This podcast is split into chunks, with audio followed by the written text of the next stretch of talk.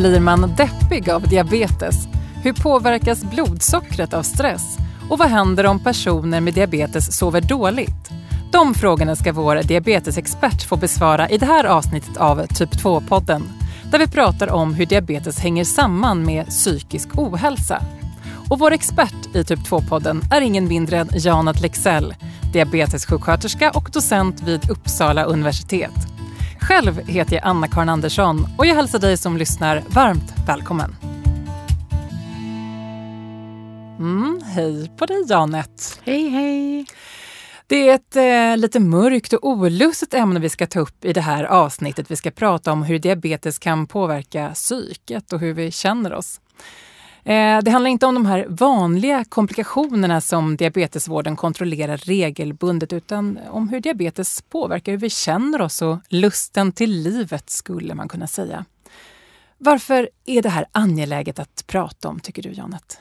Ja, för att det är ganska vanligt förekommande. Och det är viktigt att lyfta fram, som jag brukar säga, trollet i ljuset. För då spricker det. Det vill säga depression, oro och ångest, det är ingenting att skämmas för. Med det menar jag att eh, psyket kan påverkas hos personer med diabetes och kanske ibland att det är vanligare än det utan diabetes. Mm. Eh, vi ska börja att prata just om kopplingen mellan depression och typ 2-diabetes. Men först helt kort, vad menas egentligen när vi pratar depression? Ja, det är ju en sjukdom. Att känna sig lite nedstämd och orolig, det är ju ingen sjukdom. Men depression är ju klassificerat som en sjukdom. Och det, då kan man ju tycka, eh, ibland känna att ja, är det depression eller är jag lite allmänt nere? Men eh, du måste uppfylla vissa kriterier då för att du ska diagnostiseras som med den sjukdomen, alltså depression. Då. Och dit hör till exempel som störning, eh, att man känner brist på energi varje dag.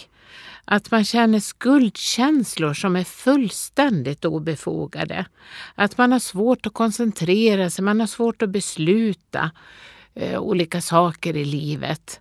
Och man kan faktiskt också fundera över varför går jag omkring på den här jorden? Jag vill nog avsluta mitt liv. Mm.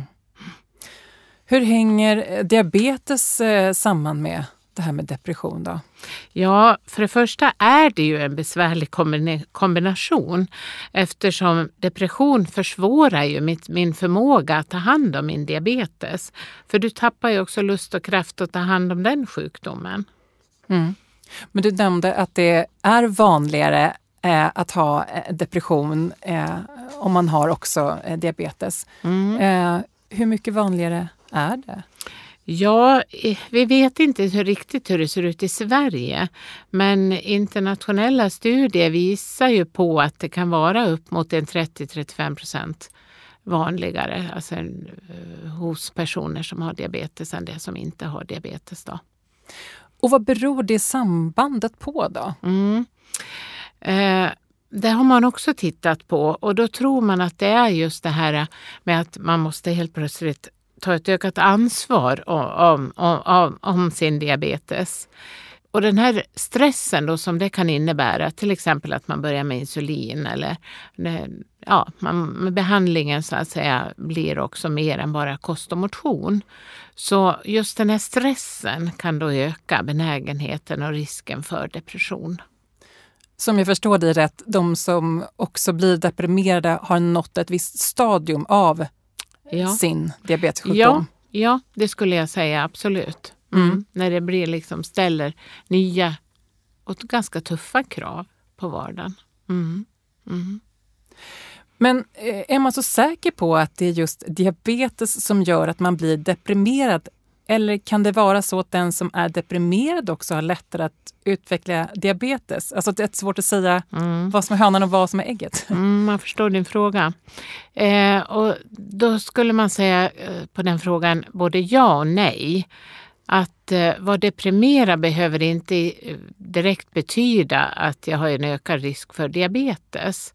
Men eh, om jag behandlas med, vissa studier har i alla fall visat att om jag då behandlas för min depression med eh, vissa medicinska läkemedel så ökar den risken. Och vad det beror på i sin tur, det har man inte kartlagt ännu. Så att det är inte så att det finns en entydigt samband där. Nej. Du inledde med att ge tecken på saker som kan tyda på att jag har en depression. Om jag ser att det stämmer in på mig, vem ska jag kontakta då? Vart ska jag vända mig? Mm. Jag tycker så här, att har du en bra kontakt med din diabetessjuksköterska och läkare som är lyhörd för dina känslor inför att leva med diabetes så passar det alldeles utmärkt att kontakta din diabetessjuksköterska eller läkare. Alternativt då, det är ju att ringa till närmaste vårdcentral och få kontakt med någon annan då. Eh, det ska ju finnas idag samtalsterapeuter på alla vårdenhet, primärvårdsenheter i, i olika regioner i Sverige. Mm. Och du nämner samtalsterapi. Vad är det annat för typ av stöd och behandling som jag kan få om det visar sig att jag har en depression? Mm. Det har ju visat sig, Socialstyrelsen har ju uppdaterat sina riktlinjer alldeles nyligen vad gäller depression. Och klart och tydligt så är det god prognos både på den medicinska behandlingen men också på till exempel kognitiv beteendeterapi. Så att det, har, eh, mm, det är framgångsrik behandling och det kan ju vara ljuset i tunneln när man känner sig deprimerad, att behandlingen är, är god. Det är väldigt god evidens för det och det har bra resultat. Och nu pratar vi om depression mm. som alltså klassas som en mm. sjukdom. Men om jag känner mig låg och oinspirerad men inte har fått den här diagnosen, vad ska jag göra då? då? Ja, jag tycker fortfarande att eh, att man ska kontakta. Man ska inte gå och bära det här själv om man känner sig så dag ut och dag in. Utan man måste ju få berättigad till den hjälp som man, som man ska ha och som man ja, som är berättigad till helt enkelt. Mm. Om jag eh, lyckas behandla min depression eller mm. allmänt öka livsglädjen, hur kan det då påverka eh, hur jag mår med min diabetes och hur jag lever med den? Ja, alltså här tycker jag då, för då blir det någon slags vändpunkt i livet. Och då tycker jag att det är viktigt då att ta kontakt med sin diabetessjuksköterska och säga, hörru du, nu mår jag bättre så nu skulle jag vilja diskutera och bolla med dig lite mina tankar om hur jag skulle vilja gå vidare med att röra på mig och min kost och kanske till och med få prata med en dietist. För mår man lite bättre så finns det också mer energi för att ja. Eh, göra de förändringarna, ja, tänker ja. du? Mm. Ja, det är så jag tänker. Så det hänger ihop åt andra hållet också? Blir jag psykiskt bättre så kan det andra haka så på? Så kan det andra haka på, precis. precis.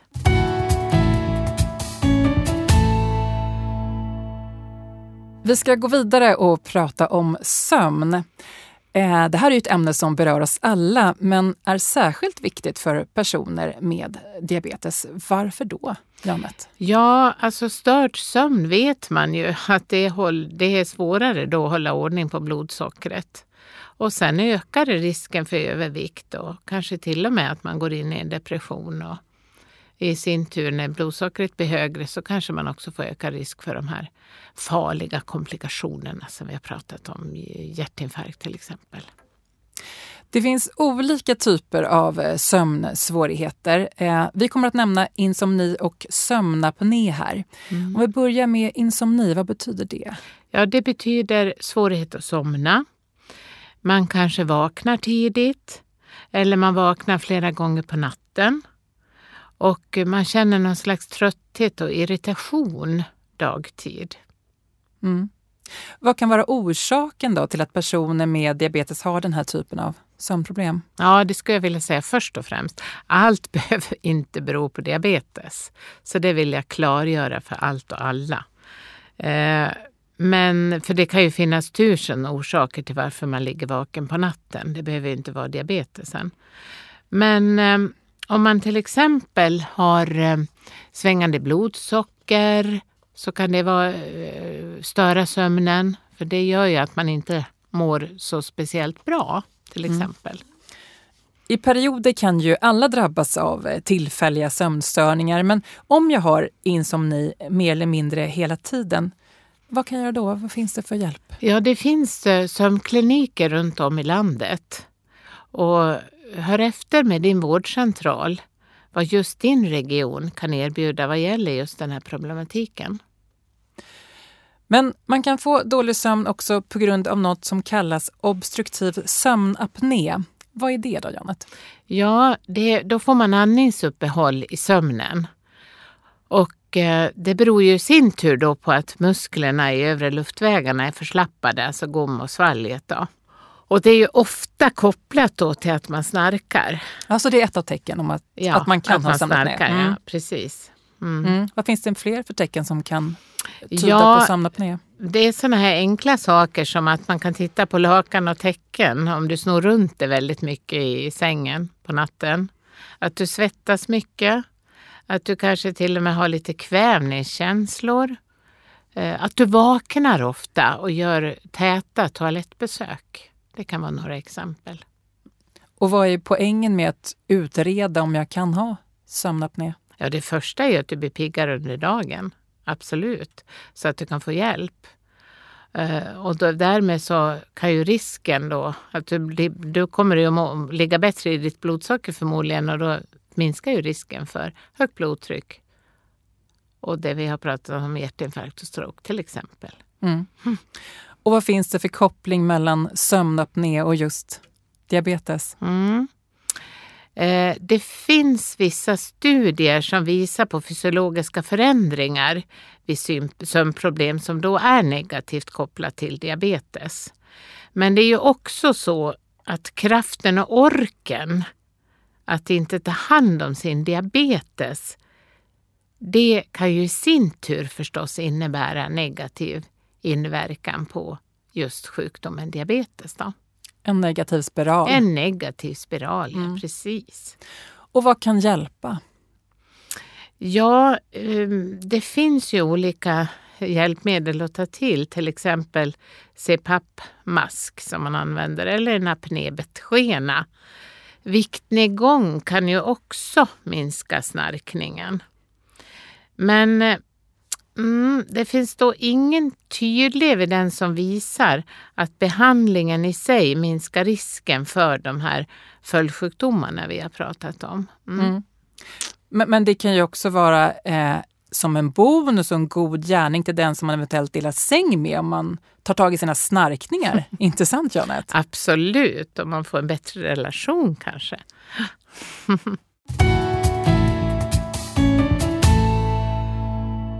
Vi ska slutligen prata om stress. Eh, vad menas med stress egentligen? Mm. Det är att man måste reagera eller agera på en svår situation eller händelse. Man kan jämföra om man stod på eh, savannen och det kom ett lejon emot en. Så kan man ju tänka sig vad som händer i kroppen. Och ja, det är, är något stress. positivt. Ja. ja, precis, precis. Men då är det en positiv stress? Det är en positiv stress och den ska vi ju värna om. Mm. Ja. Men i det här sammanhanget nu så pratar vi om den negativa mm. eh, mm. stressen. Eh, vad kan eh, eh, utlösa den typen av stress? Ja, det kan ju vara en negativ händelse. Eh, det kan ju vara exempelvis att jag är väldigt stressad för att mitt blodsocker går upp och ner och jag förstår inte varför. Och då blir jag ännu mer stressad av det så att säga. Men det kan ju också vara andra händelser som händer i livet det, livet är ju inte bara en dans på rosor, det är upp och ner också. Mm. Och vad händer i kroppen hos personer som har typ 2-diabetes om jag upplever den här negativa stressen? Ja, det är ju vissa hormoner som vi behöver när vi känner oss stressade så vi kan fly ifrån det där lejonet eller tigern.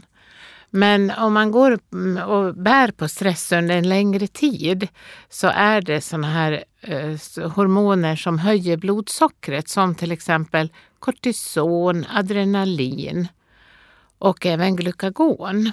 Och det är ju sådana hormoner som höjer blodsockret och det är ju inte bra då för min diabetes på sikt. Så det är inte bra att gå med en ständig sån här stress, att man känner stress ständigt. Mm. Janet, du brukar lyfta fram diabetesenkäten som ett bra verktyg för att fånga upp just hur diabetespatienter känner sig. Eh, Diabetesenkäten är ett vetenskapligt framtaget frågeformulär som patienter då kan eh, fylla i och besvara inför sitt besök hos diabetessköterskan. En del av frågorna i den här enkäten handlar om just hur man mår, det som vi har pratat om i det här avsnittet. Vad, vad kan det vara för typ av frågor? Mm. Hur har du mått rent allmänt de senaste fyra veckorna? Har du sovit de senaste fyra veckorna? Har du känt dig nedstämd de senaste fyra veckorna? Det är tre exempel ifrån diabetesenkäten. Och varför ska jag diskutera eh, de här bitarna med min diabetessjuksköterska? Därför att hon eller han kan fånga upp då, jaha, det här skiljer sig från förra gången.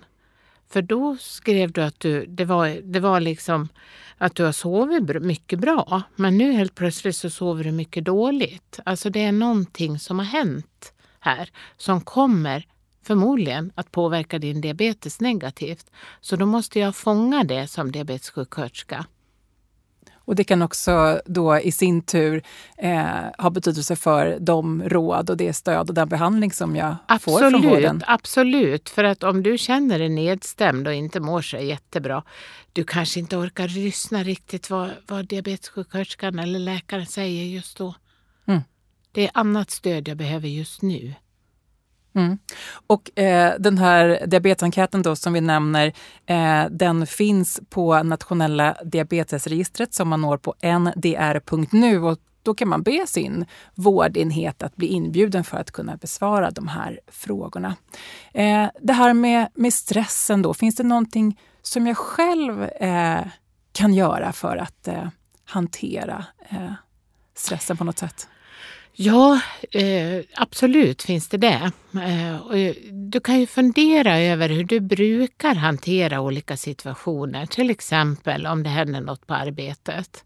Eh, går du hem och gråter då och skuldbelägger dig själv eller ser du det som ett problem som går att lösa? Eh, eh, versus om någon har dött i din nära omgivning, till exempel din mamma eller kära make eller maka så måste du ju tillåta dig själv att gråta och det måste, sorgen måste få ta den tiden det tar. Men att man lär sig olika strategier och tänker efter. Ja, det här är ett problem och det här är en känsla som måste bearbetas. Det är lite skillnad på det. Så både att analysera vad som ger upphov till stressen men också lite grann fundera på ja. hur jag själv reagerar. Ja, mm. lite så. Mm. Vad skulle du vilja avsluta med till våra lyssnare? Vad ska man ta med sig efter det här avsnittet, tycker du, Janet? Ja, jag tycker ju att det är väldigt viktigt att eh, verkligen våga prata om det här med sömn, det här med stress, det här med depression. Att inte skämmas för att man inte alltid mår tipptopp och att våga erkänna det för sig själv. Och när du har diabetes så har du en kontakt med din diabetessjuksköterska. Så kontakta henne och säg att Hörru du, nu mår jag inte bra. Jag måste få hjälp. Stort tack Jonat Lexell, diabetessjuksköterska och docent vid Uppsala universitet. Tack. Själv heter jag Anna-Karin Andersson och Typ 2-podden Att leva med diabetes är en produktion från det forskande läkemedelsföretaget Böringer Ingelheim. Tack för nu och på återhörande.